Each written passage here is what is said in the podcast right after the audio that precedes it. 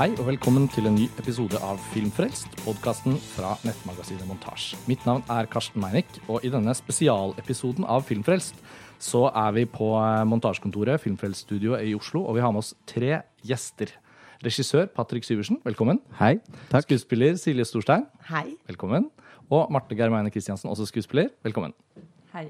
Em, dere har laget en ny film som heter Det som en gang var, og den har norsk kinopremiere fredag 18. mars. Ja. Og eh, en ny norsk film er alltid en begivenhet for oss i montasje. Yeah. Men dette er en ny norsk film som på en måte kommer litt inn fra venstre. kan man si. En av de som liksom har gått litt under radaren for oss som følger med. Mm. Som er plukket opp av distributøren Arthouse, som har en sånn berømt, eh, snobbete og flott holdning om at de ikke distribuerer filmer de ikke har sett i ferdig stand. Yeah. Og norske filmer finansieres jo ofte av at distributører er inne med penger før den blir laget. og sånn. Så det er sånne type småting som det skiller denne filmen fra mye annet. Men Ja. Patrick Syversen, vi har blitt enige om å starte litt med deg. Eh, du har jo du er jo på en måte en regissør som har uh, lagd film i samme periode som montasje har eksistert. sånn omtrent. Altså, 'Rovdyr' er din første film. Den kom i 2008. Ja. Eh, montasje ble startet i 2009, og så har du vært veldig produktiv i en lang periode. Men de forrige spillefilmene dine, kinofilmene, det var 2011. Da hadde du to filmer, både 'Exteriors' og 'Hjelp, vi er i filmbransjen'. ja. Eh, og så har du laget TV-serier, og så har du sikkert vært i utvikling og laget denne filmen. og sånn, Men kan du, eh, kan du fortelle litt hva som, har, hva som har pågått siden sist? Hvorfor ble det en fem års pause mellom spillefilmene? Ja, det har vel egentlig ikke vært en femårs pause, men eh, Hvorfor har publikum måttet ta en fem års publikum- pause? Etter eh, Altså, Exteriors var den første filmen som ble laget på denne måten, hvis man skal backtracke det sånn, da. Eh, og den kom jo som et resultat av at jeg lagde en amerikansk skrekkfilm som het Prowl, som var en sånn ikke en stor film, men den hadde mange produsenter og mange involverte. Og da var det en sånn sterkt behov for å skrive noe og lage noe uavhengig av et støtteapparat og uavhengig av produsenter. Eh, også fordi måte man, man stiller seg selv litt til veggs når man lager en film for eh, begrensede midler og finansierer mye av den selv.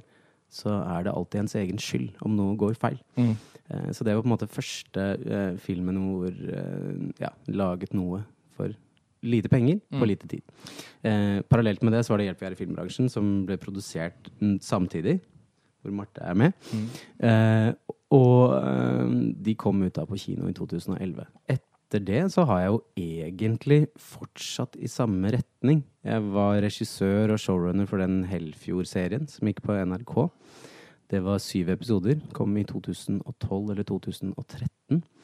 Eh, og vært i utvikling med et, eh, et TV-prosjekt for fire og en halv. Som heter Skinndø, som er en sånn thrillerserie som har fått litt fortgang nå. Eh, Så det har vært noen sånne NFI-finansierte eh, utviklingsprosesser, men når man er oppe i sånne prosesser, så er man avhengig av å lage ting. Og på siden da så har det alltid vært et sånn mål å lage én film i året for nesten ingenting. Eh, hvor man da samler bra mennesker som man liker. Eh, lager den på egne premisser. Klipper den ferdig. Og så ser man ble dette noe, da? Eh, og sånn ble jo egentlig det som en gang var til. Mm. Eh, nå hører du med at jeg har laget en annen film også i forkant av det, som ikke har kommet ut ennå. På samme det? måte. Ja. Der er også Marte med. Og den eh, Kommer den, eller kommer den ikke? Den er, den er blitt ganske fin, så den ligger sånn og ulmer. Men eh, Ja. Det, ble- det, var, det, var, det var noe i Variety for to år siden om en sånn varulvfilm. Ja. Eh, kan du bekrefte eller avkrefte om det blir noe, eller? Bare sånn, Den- I, min researchprosess. Men, men sånn, Ja, hva med ja. denne filmen? Hva med denne? Den er veldig kul. Det er en varulvfilm som heter Party Animal, som vi har jobbet med veldig lenge, egentlig. Også en sånn utviklingsprosess. Nå er det sånn at eh, noen ganger når man søker midler, så blir det plukket opp av pressen, og de skriver om det. Og det er, er ikke alltid så gøy, fordi noen ganger så blir det ikke noe av, selv om man annonserer en film og sier ja, vi skal inngå et samarbeid. Skjønner. Så er det en lang prosess å få pengene. Mm. Så da det sto i Variety, så tenkte jeg å nei, ikke gjør det. Fordi eh, man vet jo aldri. Nei, Den står til og med på IMDb fortsatt. Hvis ikke Ja, den ligger der Ja. som announced. Men, eh, men ja, altså eh, det som en gang var Da jeg så den på en ganske tidlig visning, og da visste jeg nesten ingenting, eh, bortsett fra at jeg kjenner dere som skuespillere og som personer, og deg, men jeg var jo ganske usikker på hva, hva dette kom til å være. Og så følte jeg at det viste seg ganske tidlig at det var var en film som i hvert fall passet veldig godt etter min smak. Altså, ikke bare foregikk den i mitt nabolag i Oslo, eh, med mennesker som snakker og oppfører seg eh, akkurat som mine venner, og den føltes veldig nær. Mm. litt den samme opplevelsen uten sammenligning for øvrig, som å se Reprise den gangen, som var også en sånn film som jeg følte sånn Oi, den handler om oss. Det ser man ikke ofte i norsk film. Men i forhold til dine tidligere filmer, så syns jeg at sammenligning med Exteriors, eh, den dukket veldig raskt opp i min hukommelse, da.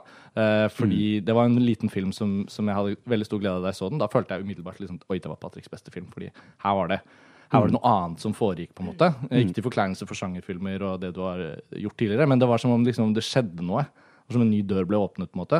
Og så Ja. eh, I hvert fall når jeg, da jeg så den. eh, og denne filmen minnet meg litt om den. Kan du si litt om prosessen med, med de filmene? Altså, når du da skal lage en sånn film som, som, som dere lager med egne penger og med lav risiko, da blir det liksom ikke sjangerfilmer. Nei, det er jo kanskje det som er nærmest mitt hjerte. Jeg husker jeg gjorde et intervju i forbindelse med lanseringen av Rovdyr for Dagbladet eller sånt, og da var det alltid sånn Hvorfor skrekkfilm? Hva er dette? Og da var det, da husker jeg en del av meg som sa jeg skulle jo egentlig ønske at det bare var et lite intimt karakterdrama som hadde sånn liten distribusjon, men sånn ble det ikke. Nei. Jeg er veldig glad i sjangerfilm og har på en måte brukt det som et slags springbrett, men jeg merker det at eh, når jeg slash vi skriver på prosjekter og utvikler de eh, uten eh, ytre rammer, så er det mye lettere å på en måte gjøre akkurat det man har lyst til. Eh, og det som ligger nærmest mitt hjerte, er jo mennesker og menneskelige relasjoner. Og gnisninger mellom mennesker, og kanskje uuttalte konflikter. Eh, og da blir det ofte sånn. Eh, og så står man fritt til å Jeg pleier å si at når man lager film på den måten, så har man ikke bare muligheten til å eksperimentere og gjøre andre ting bare en sånn dramaturgisk, men man har en plikt til å gjøre noe sånt. For hvis vi skulle laget en film for ingen midler og ikke noe kommersielt eh, eh, bakteppe eller baktanke, så hadde det vært helt absurd å slenge seg på en helt sånn tradisjonell sjangerform for å selge billetter. Da hadde man på en måte Da har man kastet bort den sjansen til å gjøre noe som ikke fins, tenker jeg. Du sier 'vi' der på et tidspunkt, og det bringer meg til en ting jeg har eh, selvfølgelig Det er ikke så veldig vanskelig å se det mønsteret, men eh, vi snakker om to filmer i 2011 som du begge gjorde i, i, sammen med en annen regissør. Eh, Marie Christensen. Christiansen, sorry, um, eh, var korregi på Exteriors. Og uh, Nini Bull Robsam på Hjelp, jeg er i filmbransjen. Uh, disse samarbeidene, det, det føler jeg går igjen gjennom alle filmene dine også, når du snakker om hvordan du jobber. Det virker som Ja. du nesten aldri helt jobber alene. At, eh, at du er veldig opptatt av den Uh, Men det er jo ingen som jobber alene. Jeg synes at det, Nå står det liksom en film av Patrick Syversen på plakaten, og det husker jeg diskuterte med Arthouse om. At det, sånn, skal, Må vi ha det? Eh, og da sa de ja, men hvordan skal man skjønne at det er en film? Hva er det, Spi- hva er det Spike Lee gjør? Joint by Spike Lee. ja, fordi, men det er et eller annet med det at film er jo et samarbeid, og det er så mange, og det vet jo du som klipper selv, det er så mange avgjørelser som tas i samarbeid med andre og kollektivt. da. Og jeg mente en, en regissør en regissørs oppgave er å sette et premiss for en fortelling, vite hva den skal være, og hvorfor man forteller den, og få med en masse gode krefter på laget. Og få med gode krefter som kan noe en selv ikke kan og bruke det for alt det er verdt. Exteriors var en film som jeg satt i min egen hule og skrev Uh, dyp depresjon mens jeg var i etterarbeid på den vampyrfilmen jeg lagde i USA. Og tenkte alt Det er, er, jævlig. det er den filmen som heter Prowl. Uh, ja. Ja. Og tenkte alt er forferdelig, jeg må skrive dette. Ja. Og så bare rant det ut. Uh, og så viste jeg den til Marie, og så sa jeg til Marie, som da sa har du lyst til å skyte denne filmen for meg? Hun er fotograf. Mm. Og har jo gjort en del musikkvideoer de siste gjort årene. en del musikkvideoer og alt sånn. Eh, og så sa hun ja, det har jeg veldig lyst til. Så sa jeg men vi bare lager den sammen. Um, det er også viktig at det på en måte det er viktig å ha en tydelig fortellerstemme, men for meg så er liksom krediteringen er jo sekundær. Noen ganger så burde, synes jeg ikke det burde vært rulletekster. Er sånn, Se på meg. Det var meg hele tiden. Det var jeg som lagde filmen. Og det er litt uinteressant, fordi filmen i seg selv skal jo kunne stå på egne ben. Eh, så sånn sett så tenker jeg det at samarbeid er kjempeviktig. For man har så mange ressurser rundt seg, og hvis man da låser seg til sin opprinnelige idé og utelukkende tviholder på den, så er det så mange gode ideer som blir borte. Uh, og det føler jeg at Jeg føler at filmen går foran ego, egentlig. Og også på denne filmen, det som en gang var, så var det et samarbeid. Og da kan jeg jo introdusere eller bringe dere inn i samtalen. Marte og Silje, unnskyld.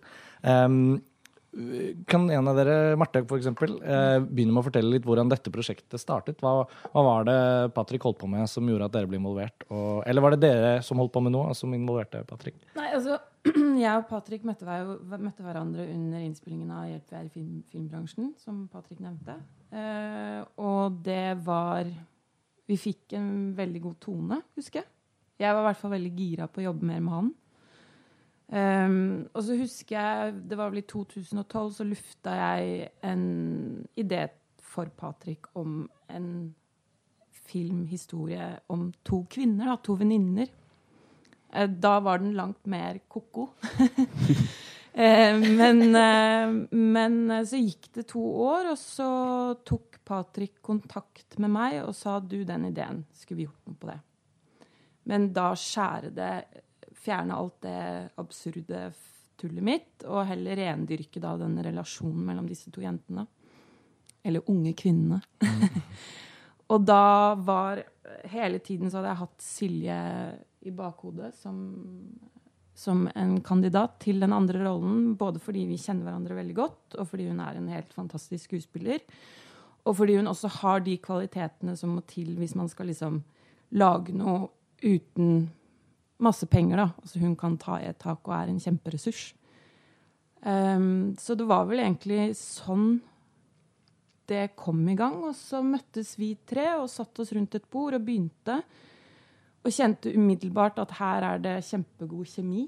Både personkjemi og kreativt. Og så begynte vi å utvikle karakterene og historien. Og Patrick eh, skrev ut scener og dialog, og så Sånn var det. og på dette tidspunktet var det bare dere tre da? Silje, hvordan var det for deg å komme inn i det, det, var veldig Jeg tror det gikk ganske sånn greit. Vi hadde jo, altså jeg, jeg kjente jo ikke Patrick, jeg hadde møtt han et par ganger før. Så det var, men også veldig sånn umiddelbar god kjemi. Eh, og vi, ja, vi, har jo både jobbet sammen som, og gjort prosjekter, litt sånn, egne prosjekter sammen før også, Marte og jeg. Um, da var det jo bare oss tre.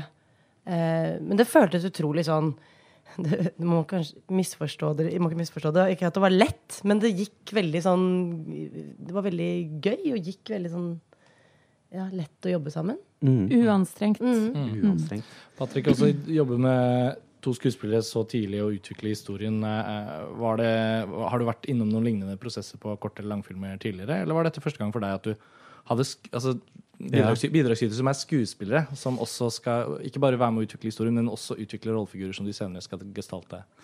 Uh, I forskjellig grad så har jeg på en måte prøvd, forsøkt å involvere folk så tidlig som mulig. Vi gjorde jo egentlig det på filmbransjen òg. Det tok, var jo ganske sånn mm. tidlig i prosessen at vi begynte å caste. Uh, og jeg har jo en tendens til på de andre prosjektene å skrive roller til mennesker jeg kjenner til eller kjenner. Um, fordi man ser kvaliteter i de, eller man ser det her er det noe interessant å utforske, eller fordi man har litt sånn samme sensibilitet. Mm. Det som var på en måte fint og spesielt med dette prosjektet, var at vi alle tre hadde et ønske om å formidle den samme fortellingen og den samme tematikken. Eh, og på en måte bruke det vi kunne av vår egen kunnskap og, og vår egen relasjon og, og, og, på en måte våre observasjoner til å forme noe sammen. Men det tror jeg man må gjøre på alle prosjekter, uavhengig av hva slags type film det er. Så må man sette seg ned med menneskene man jobber med, og definere hvorvidt man forteller samme historie. Mm. Og er man med på det? Uh, og Det er det vi snakket om tidligere i forhold til samarbeid. Er hvis man definerer hva er tematikken her, hva er det vi snakker om egentlig? Hvorfor snakker vi om dette? Hvis man har det som fundament, så er jo kreative, måte, de kreative mulighetene er så mye større fordi man uh, kan kaste ball og det aldri er noe uenighet om det fundamentale. Man kommer ikke på sett der sånn 'Hvorfor gjør karakteren min dette?' Mm. Og så må man som regissør stå sånn og forklare 'Jo, du skjønner det at og, Men alle disse steinene er snudd veldig tidlig i prosessen.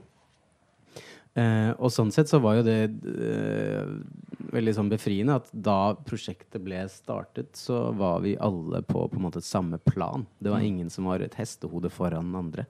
Eh, og det gjorde at det var mye lettere å gå inn i den hulen og skrive et utkast og sende til de og få tilbakemeldinger på hva som funka og ikke funka, og hvor man kunne ta det videre. Mm. Og det ble jo bedre film av det enn at jeg hadde sittet der alene. Jeg merket nå som du kom inn på dette med tematikk, at det er viktig å vite hva filmen handler om. Så, så tenkte jeg kanskje det er ikke på tide å uh, fortelle hva den handler om. Ja, oppdatere lytterne. Nå har, nå har vi kunnet gå rett inn i materien her. Men eh, dette er jo en film om to venninner, uh, mest av alt. Og jeg sa her i stad at eh, jeg følte jeg kunne relatere meg til den. Og det handler jo ikke bare om eh, miljø og at det er Oslo og sånn, men jeg følte jo at selv om det handlet om to venninner, så handlet den jo også veldig mye om intense vennskap. Mm. er det noen av dere som har lyst til å prøve å gjenfortelle liksom kort eh, bare selve settingen? Plottet, altså rammen for historien? Jeg kan, jeg kan, pitche, da, den, jeg kan pitche den, og så kan Men vi bare sånn, gi, gi, den der, gi den lille liksom traileraktige trailer. Ja, vi har jo, jeg har jo tatt det utgangspunkt i at det er en film om frykten for forandring, egentlig. At det er frykten for å ta ansvar for seg selv i en relasjon. Eh, og så har man da brukt et vennskapsrelasjon som utgangspunkt. Eh, men det var et eller annet med det å se to mennesker som på en måte egentlig er ferdig med hverandre, men som er så livredde for å på en måte å bryte og kanskje definere eh, hvor de står. Så de tviholder på det gamle. Og hvis man tviholder på det gamle, så blir man definert av 'Husker du den gangen vi koste oss?'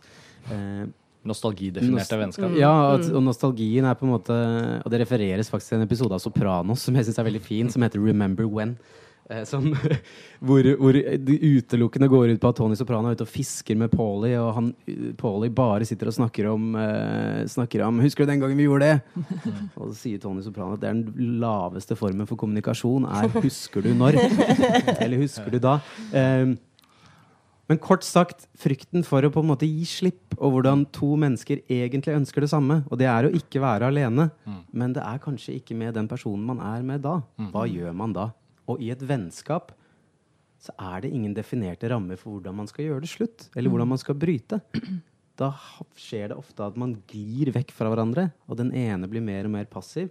Mens hvis, den, hvis det er uenighet om hvor dette vennskapet skal bære, så blir den andre parten mye mer needy. Og det er en ond sirkel som ja, er drevet av frykt.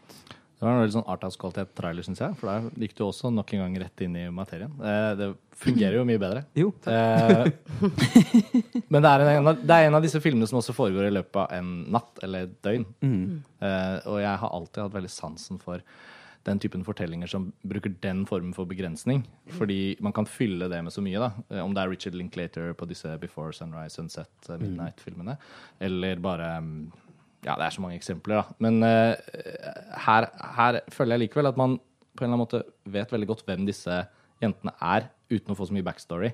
Uh, nettopp fordi de spiller, de spiller på hverandre. Eller dere spiller på hverandre.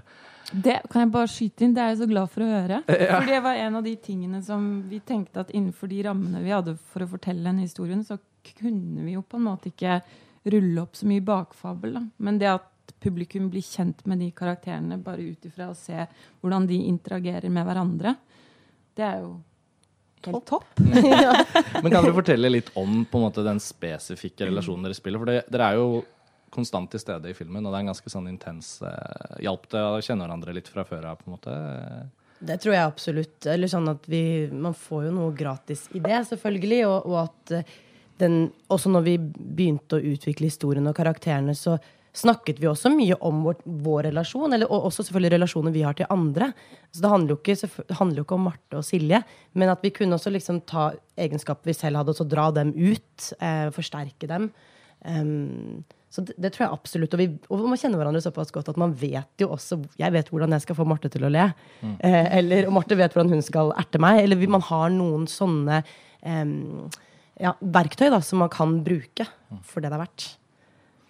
Ja. Det, det er interessant i forhold til det med backstory, Fordi det husker jeg vi snakket om veldig tidlig også. Eksposisjon gjennom tekst. Hvor lite vi skal ha av det. Eh, og særlig denne scenen hvor eh, tidlig i første akt eh, Siljes karakter møter Tobias, eh, som da er ekskjæresten hennes, som kommer for å hente noen lamper. Eh, fordi han har flyttet ut. Og da var vi veldig opptatt av jeg husker vi snakket om Kan vi skildre dette som et par som har gjort det slutt uten å bruke ordet ekskjæreste, brudd eller noe som helst?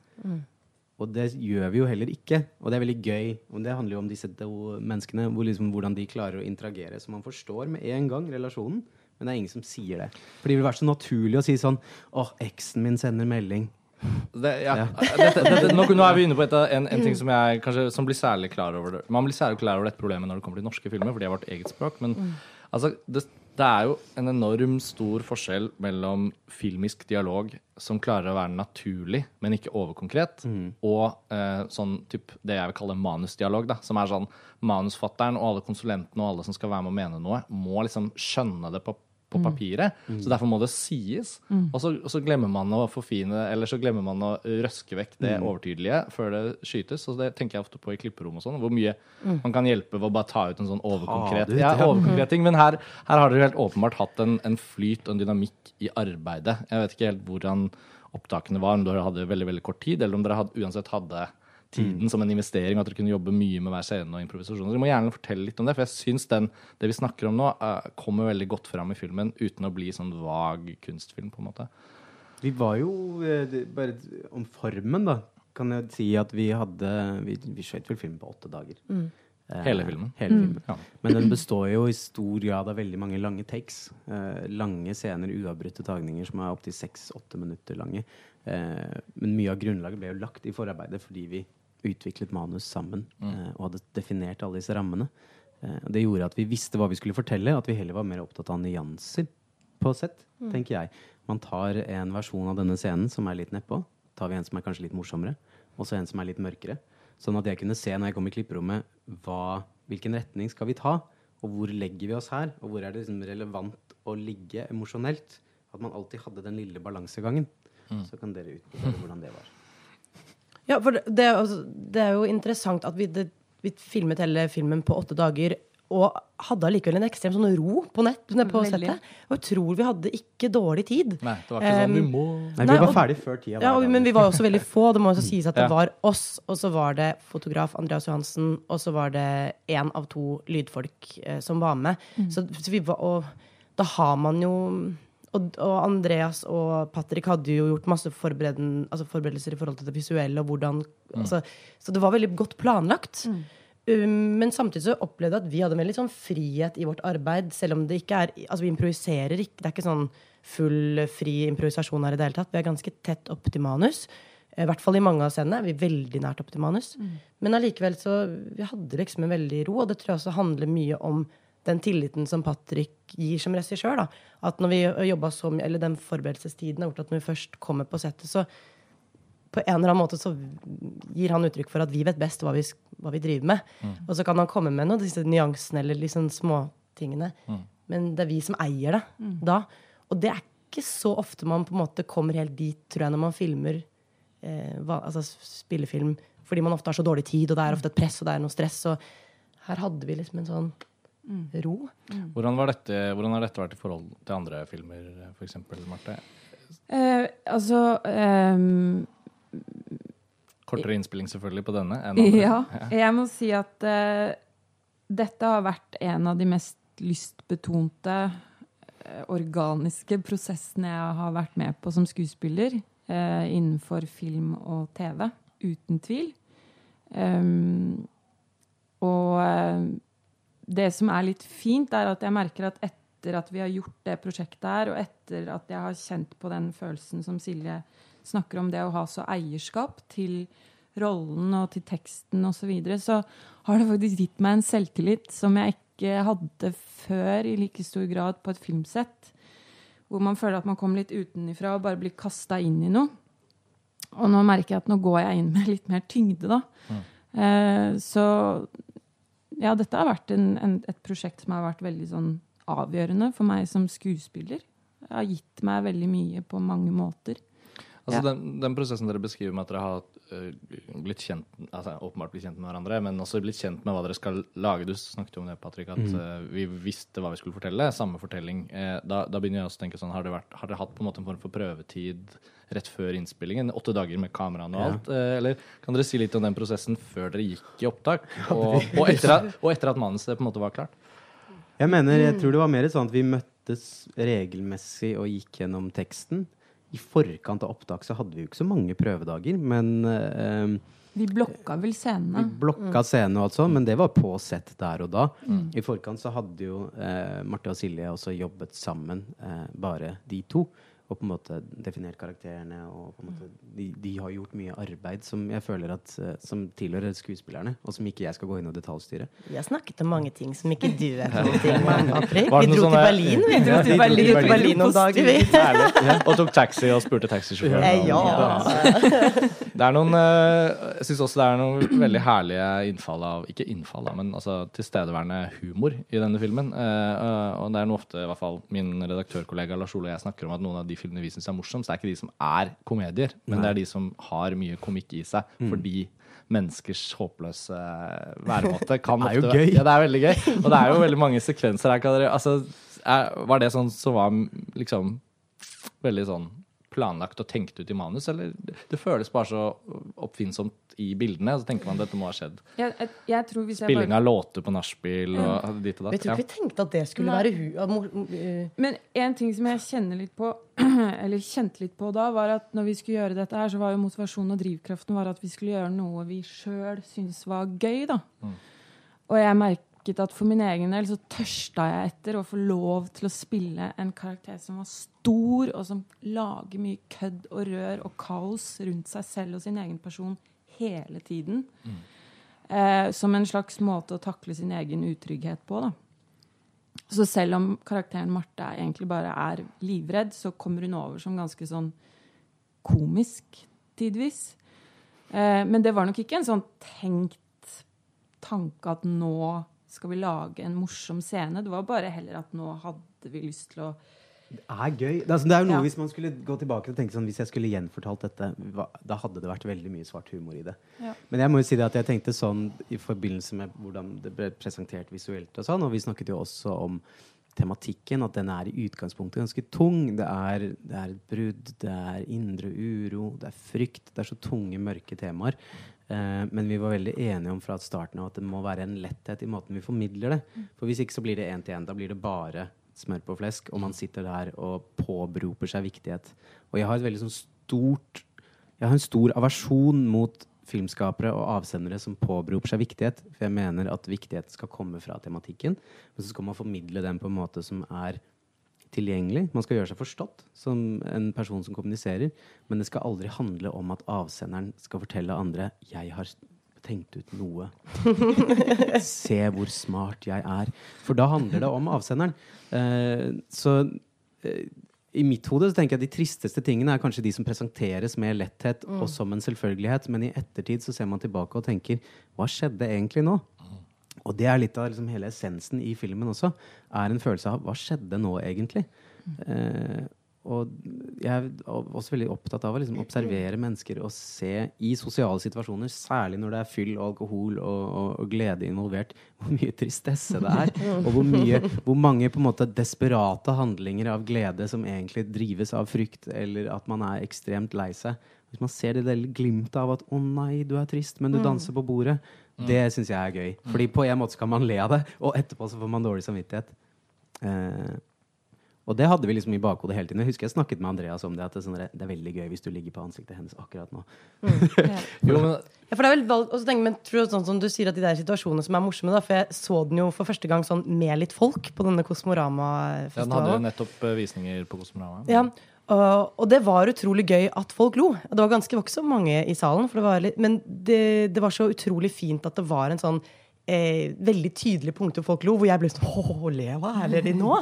Eh, og det tror jeg handler om at Patrick har også skrevet noen situasjoner som, som er ganske morsomme, men som f.eks. den Marte-karakteren, Marte-karakteren som jeg kaller den, går inn med et sånt alvor i disse situasjonene. Hadde vi gått inn og vært bevisst på humoren, eller så hadde det hadde blitt hadde platt. da, ikke sant? Så det handler om å ta situasjonene veldig på alvor, og at det er liksom, at du sier, det er, frykt, det er fryktdrevet. Og da blir det morsomt når man Ja. Og det altså- gjelder jo alt, Ja. tenker jeg. Og så for å være helt ærlig, så de gangene jeg er mest stressa og utrygg, da sitter ikke jeg og gråter. Jeg gråter når jeg er i trygge omgivelser. Da tør jeg å slippe garden og åpne opp hjertet mitt. Men når jeg er stressa og utrygg, da skrur jeg opp volumet og kjører bånn gass og blir bare enda mer ko-ko. Eh, og det er kanskje en kvinnelig karakter som ikke jeg har sett for mye av på norsk film. Da. Og som jeg hadde stor glede av å få lov til å teste ut i i dette fine, trygge rommet som vi klarte å skape. Mm. jeg tror den forrige norske filmen jeg kan komme på hvor det var Hvis vi tar det, da. Altså, Såpass troverdige relasjoner mellom kvinnelige karakterer, og også med en form for humor som passer med det vi sier. Det er vel Dag Johan Haugerud som du ser meg. En film som har mye humor. Eh, Kanskje litt mer åpenbar humor enn denne filmen, men som samtidig på sitt morsomste også er morsom når den er på sitt tragiske, da. Ja, ja. Eh, Men det er jo så gøy å høre, fordi vi, har, vi drar alltid fram den filmen. Jeg synes den er så undervurdert. Altså, Det må bare sies Ja, til lytterne. Det er en klassiker eh, som ikke film. nok folk har omfavnet som en klassiker ennå. Og han som regissør også, tenker jeg liksom Ikke for å trekke, komme med noen sammenligninger til andre veldig tydelige, store registemmer her i Norge, men at han ikke på en måte Det er noe med, men det tror jeg handler om at han ikke påberoper seg viktighet. Eh, og det er noe med, som du ser meg, som en film er en film om mennesker som går så på akkord med seg selv i sosiale situasjoner som er veldig lette. Og det er så trist å se. Men de vet ikke helt hva de skal gjøre. Og evnen til å formidle det med en empati og en forståelse og en humor uten å si 'se på dette tunge dramaet', det mener jeg er drama. Og det er så fint det som Marte sier, men jeg vet ikke om det var Douglas Sirk som sa det at eh, drama er når publikum gråter. Det er ikke når karakterene gråter.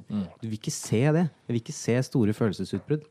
Det blir ofte uinteressant, for da blir konflikten altfor uttalt. Nå husker jeg faktisk ikke hvilken film det var, men jeg hadde en veldig rørende opplevelse på kino. Og jeg tenkte i fjor, hvor jeg tenkte på Grunnen til at jeg blir slørt nå, er at jeg ser at rollefiguren har en tåre som liksom står og venter. Ja, ja. Som står og venter i øyelokket under øyet der, og så liksom bare kommer den ikke. For, Fordi han, det var en mann, da. Nektet å slippe den. Hvorpå jeg selvfølgelig bare Og da kom dine. Men, ja.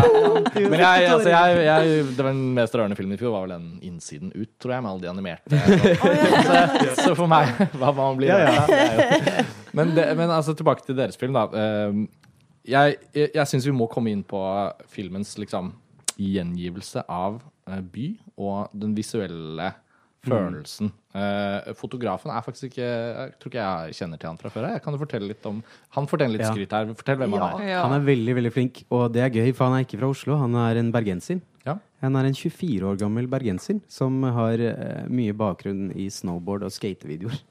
Fantastisk. Jeg, det var, for meg det var det en helt oppdagelse. Ja, ja, ja. Eh, Jeg vet jo at du har på en en, en visuell sans, og at mye kommer fra deg sikkert også, men jeg syns det var oppriktig spennende visuell utforming her. Han har en tone som er helt unik, og jeg jobbet med han på reklamefilm jeg, for to år siden. Eh, og det var sånn vi ble kjent. Og så gjorde han noen musikkvideoer for meg, og så var det bare sånn Ok, men dette er jo kjempegøy.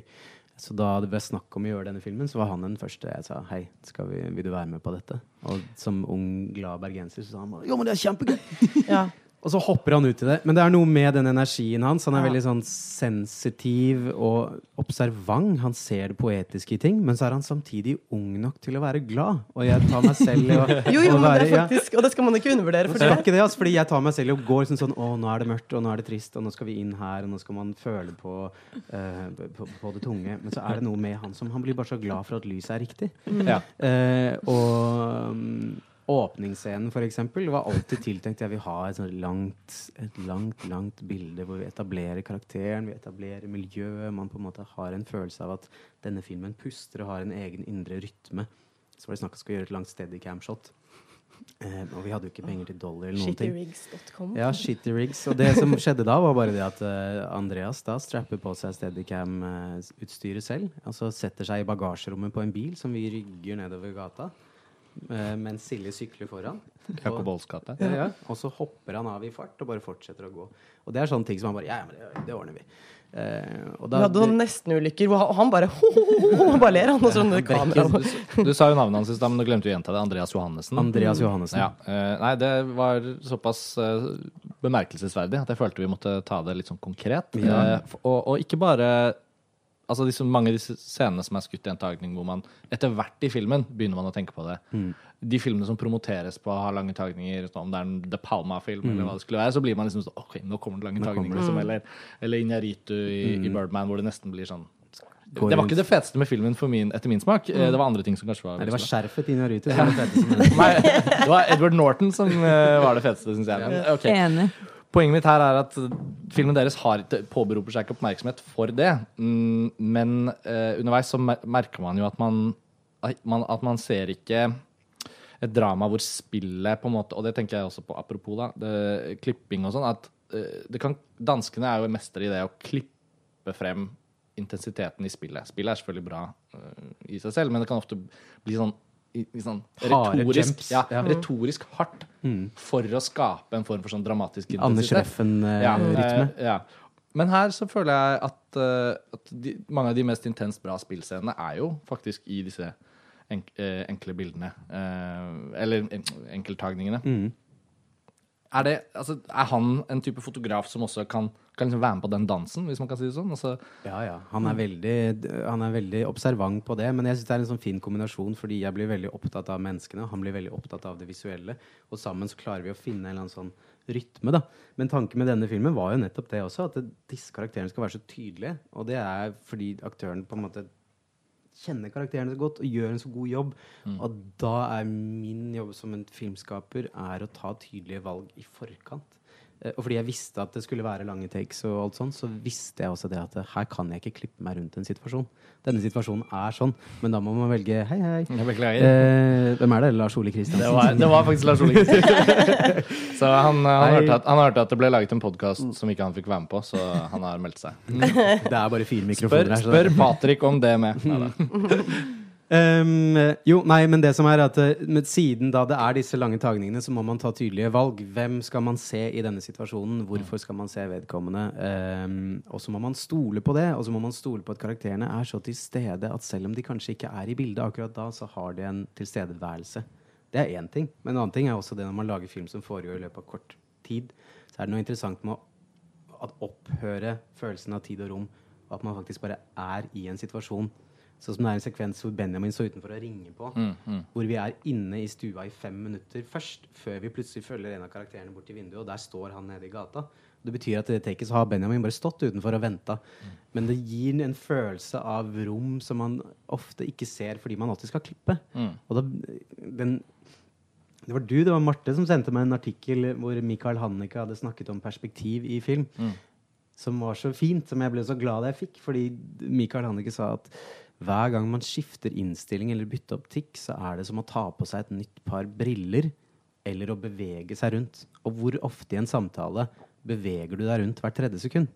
Hvis du sitter og prater med noen og så bare hei, hei, og så flytter du hodet veldig nærme. Og så, ja, så, jeg ser du har hånda på en kopp, jeg ser nærmere på det, jeg. Så det handler om en trygghet til å velge hva viser du her? Mm. Er det bra nok? Men jeg må bare skyte inn, det var veldig fascinerende når vi jobbet eh, å observere Patrick og Andreas. Hvordan de to fungerte som en sånn symbiose. For det var jo ikke noe sånn derre altså, Patrick satt jo aldri i noen sånn monitor. Han fulgte jo Andreas som en skygge. Og jeg følte at du drev og Tapper ham tapper ham på skulderen. Jeg har sånne tegn for ham. Ja, de hadde et litt sånn hemmelig språk som, som fortalte da Andreas at OK, nå skal vi Og de lå jo på meg og Silje som sånne skygger. Um, så det var um, ja, bare en veldig god kjemi mellom dere to. Det merker man. Uh, og jeg synes også i tillegg til det vi har snakket om nå, så, så merker jeg at det fins også motiver her som ja, jeg vet ikke om det kommer til å kaste seg noen analytikere over det, men, eh, men eh, for meg så er det noen interessante visuelle motiver også som gjentas. da. Særlig dette med liksom hender som hold... Altså, det er til og med brukt på plakaten til filmen, hvor det liksom Trekker i hverandre. Hvor, trekk, eh, hvor din karakter Marte trekker i liksom skjorta til Silje, og så er det denne uh, Hvis man ser traileren, bare, så kan man jo se det. Altså, ho- holder i den hestehalen. Det er hender som liksom Det er veldig mye hender med materie. Er det, er det kan, Mange hender som kan vi grave holder igjen ting. Ja, Ja. Men det er jo et sånt, men det snakket vi jo om. Det er plutselig hold igjen. Martes karakter skal bare holde igjen. Silje er, Siljes karakter hun går egentlig. Hun Hun er allerede i ferd med å gå. Så hele første akt, egentlig, hvis man brekker den ned, så helt sikkert analysen kommer til å gjøre, så er det veldig mange scener som slutter med at Marte løper etter Silje. Og sier 'vent'! Hvor skal du? Vent! vent, hvor skal du? Hun bare holder sånn fast. Så det var jo på en måte Ja. Og i en film hvor det er ganske få inserts, egentlig, så var det sånn viktig at det var noe sånn tekstur i liksom det der det nære og det der sånn hold igjen, ta, det er nært og trang. Ja, for det må ikke virke som her at dette er en film som er helt sånn um, bare one takes her. Nei, nei. Det, er jo ganske, det er jo noen sånne tilløp til ganske fine sånne urbane montasjer og sånn som man kan sette pris på hvis man liker Oslo. Eh, Jeg syns det er en skikkelig Oslo-film, eh, det må sies. eh, Og en Majorstua-film. Det fins ikke så mange av dem. Eh, Det, det er jo rett der jeg har vokst opp, så eh, var det, var det noe var det et veldig veldig spesifikt valg at den skulle foregå akkurat i de gatene? Det er helt eh, ja, tilfeldig. Det er, det Nei, er men sånn, det, Ja, men det, det er, jo sikkert nært dere. Den er, den er filmet i min leilighet. Nettopp noe Ja. sånt, ja. Så det er så enkelt som det. ja. Eh, heldigvis er det noen vakre bygårder og noen eh, fine kvartaler som, som gjør seg på film, da. Heldigvis. Men akkurat hjørnet Jakob Olskat Trudvangveien, da har man også utsikt til Holmenkollen, blant Mm, annet. Ikke sant? Så jeg, synes sånn, det, er jo ikke, det er jo ikke på en måte en hvilken som helst bit av Oslo. For Nei, det var jo veldig hvilken retning man skyter. Det er veldig sånn definert av Man setter jo tonen. Men jeg ser jo det er Siljes leilighet eh, i oppbruddsscenen, og så er det Martes leilighet som vi har brukt. Og din leilighet da, Patrick? Min leilighet er ikke med denne gangen. Den var med sist. Den, men den har ikke kommet ut ennå. Men Oslo altså, Jeg må jo si at jeg syns på de ti årene som har gått av nok en gang La oss si at det starter et eller annet med, med reprise. Mm. Eh, I hvert fall i form for en, selv, en selvtillit på at Oslo på film ikke bare på en måte er av en viss art. da. Ja, Og så har jo også Oslo utviklet seg og hatt en voldsom ny identitetsvekst i akkurat de ti årene, eller kanskje 10, si 15 år da, tilbake. På samme tid som norsk film har hatt en veldig spesifikk vekst, og det lages mye mer. Og, og Tenkte dere noe på det? Hvordan denne filmen liksom skriver seg inn i Oslo på film? Altså, eller tenkte dere bare på Oslo som byen dere lever i? på en måte? Tenkte egentlig mest på disse menneskene, og følge de, og bare få det til å oppleves så naturlig og organisk som mulig. Eh, jeg tenkte aldri sånn Man, man, man hører så mye klisjeen. Sånn, det er som om byen er en karakter i seg selv. Mm. Eh, vi Det er, det, det er journalister og oss. Det er, det er vi som sier det. ja, vi behandlet liksom byen som en karakter. Oslo. Ja, det er ganske det er interessant. Ja. Eh, men det kommer jo ofte sånn fra. Men, men jeg tror det var litt mer sånn Igjen, jeg tenkte mer karakter, karakter, karakter, karakter. Og miljøet defineres jo av karakterene. Eh, og da vil sånn opp til Marte og Silje å på en måte var jo enige om hvor skal vi gå her, hvor skal vi filme dette, Mm. hvor føles det organisk å ha dette. Men det var først i ettertid, da vi satt liksom og så på klippene, satt bare sånn Å, jeg får så lyst til å gå ut og leve. På en eller annen måte. Sykle rundt rolig. Ja, I hvert fall nå i mars så får man kjempelyst til det. Bare, åh, Ja, nå, våk nå våkner den snart. Nei, men, altså, og men, men som filmskaper, uansett hvor mye du fokuserer på karakter og spill, og sånn, så er du aldri fritatt det at du formidler et rom. Absolutt ikke. Eh, Og rommet det er er jo jo filmens, veldig en av filmens som mediums store muligheter. Ja, absolutt. Og eh, det, det var jo tanken også det at alle disse montasjesekvensene som er ute, de gir følelsen av tid som går, men også med et slags fyll, fyllesykens perspektiv, eller fylleangstens perspektiv. Det er bruddstykker av ting som skjer som man ikke kan helt få grep på. Og det er litt mer flyktig og litt mer stort. Og Det er derfor filmen åpner med dette store bildet av dette lille mennesket i den store byen. Mens inne interiørt så er man jo mye trangere og mye mer rigid form. Noen steder så er det jo helt låst kamera, man bare er innenfor liksom fire vegger. Så vi har vært veldig opptatt av bruken av rom. ehm, men jeg tror liksom dette Oslo-aspektet Jeg tenkte aldri at nå skal Oslo se fin ut. Den bare endte opp med å se fin ut fordi den er fin. ja. Ja, det er sant. Ja. Og, og selv i noen av disse tette sekvensene, særlig nachspielet, så, så kommer jo den biten du snakker om, da, hvor rollefiguren til Benjamin Helstad Det er jo to andre skuespillere som er med i filmen nå. Tobias Santelmann som spiller Tobias, og Benjamin Helstad som spiller Heter han Benjamin? Ja, han Ja. gjør det. Eh, Benny. Og, ja, Benny. Benny. og når han eh, på en måte kastes ut av nachspielet, eh, så oppstår jo denne rom, nye romfølelsen av at vi også får være med til vinduet og ned. Altså sånn, Det er jo også en måte å si at jeg på tross av denne leilighetens begrensede romfølelse, så er det en virkelighet her som vi like gjerne kan fange inn med kamera, uten å på en måte klippe ned, da, eller Det er noe utenfor òg. Men vi snakket jo mye om empatien i forbindelse, og det er det jeg mener at films fortelling skal jo formes av empati, og da må man på en måte ha en forståelse for alle karakterene. Og jeg syns det var interessant at på et viktig punkt i fortellingen hvor det er så intenst mellom Marte og Silje, så går man ut til Benjamin. Så er man med han i tre minutter mens han prøver å finne en eller annen måte å ringe på. Eh, for å eh, igjen vedkjenne seg at uh, han er også et menneske her. Eh, Ja, men det, det, man får akkurat den følelsen. Så er det sånn, oh, ja, selvfølgelig. Sånn er det for han.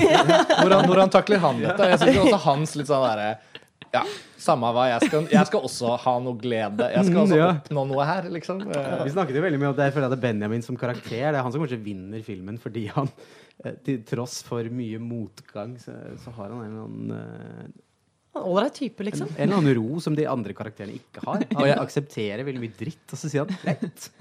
Jeg følte hans lille reise også var en sånn klassisk sånn Det finnes andre filmeksempler, nå kommer jeg ikke på det, men sånn, et eksempel på at du plutselig legger merke til at en av rollefigurene i den filmen har bare en sånn en dag i livet sitt.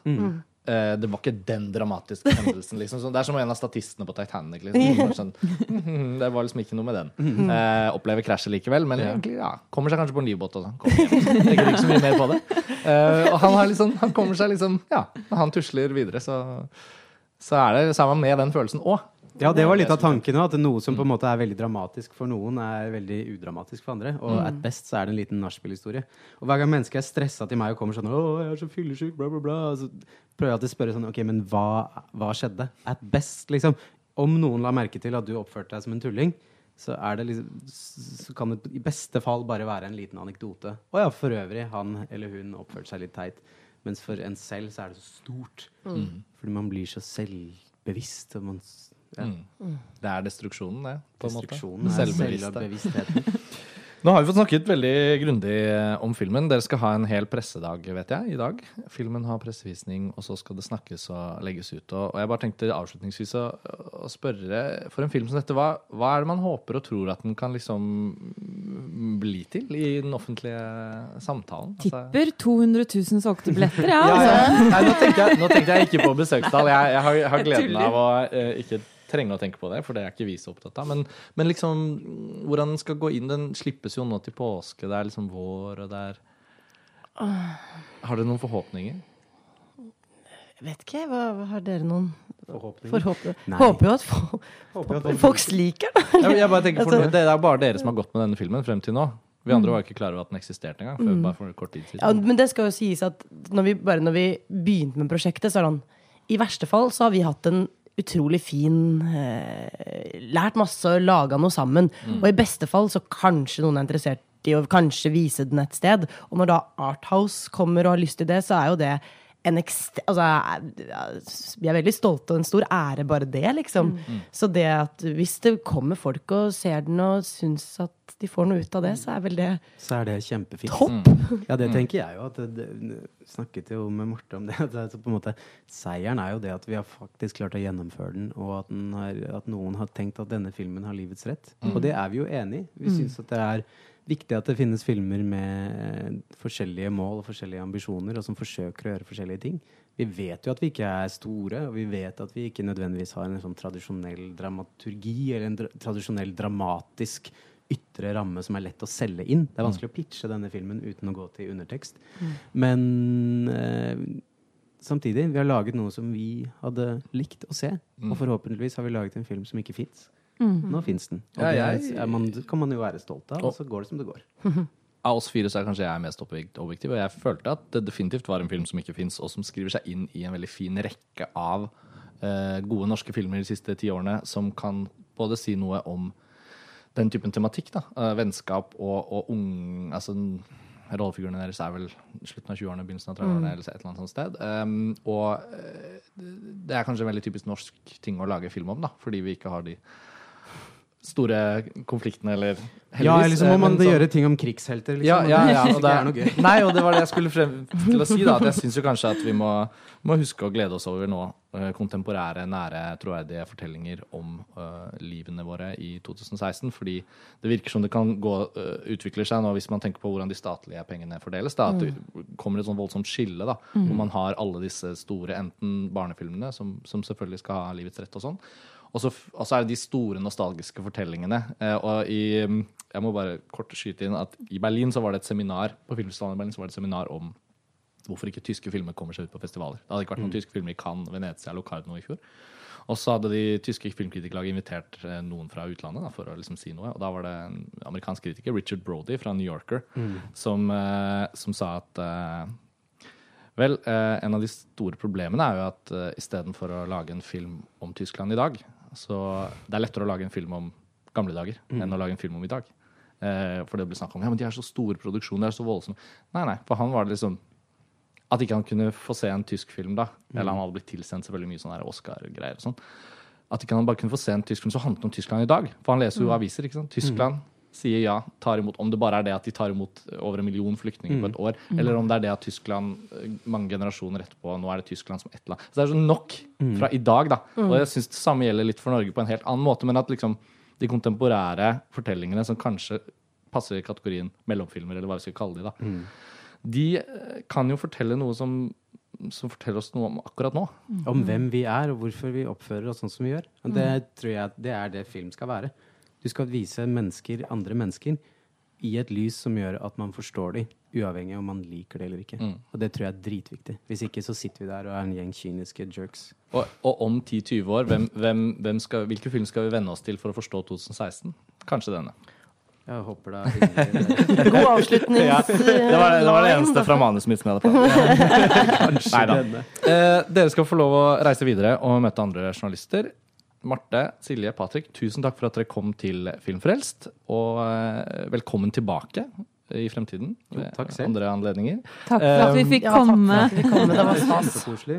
Og til dere lyttere der ute, filmen 'Det som en gang var' anbefales varmt, i hvert fall fra meg. Og den har norsk kinopremiere fredag 18. mars og kommer til å gå på kino i påsken og utover våren. Så det er bare å oppsøke den på kino. Og Artas kommer sikkert til å fortelle dere hvor fantastisk den er gjennom sine forskjellige markedsføringskanaler. Vi høres igjen ved neste korsvei. Mitt navn er Karsten Meinick, og eh, gjestene i dag var Marte Germeine Christensen, Silje Storstein og Patrick Syversen. Ha det bra! Ha det. Bra.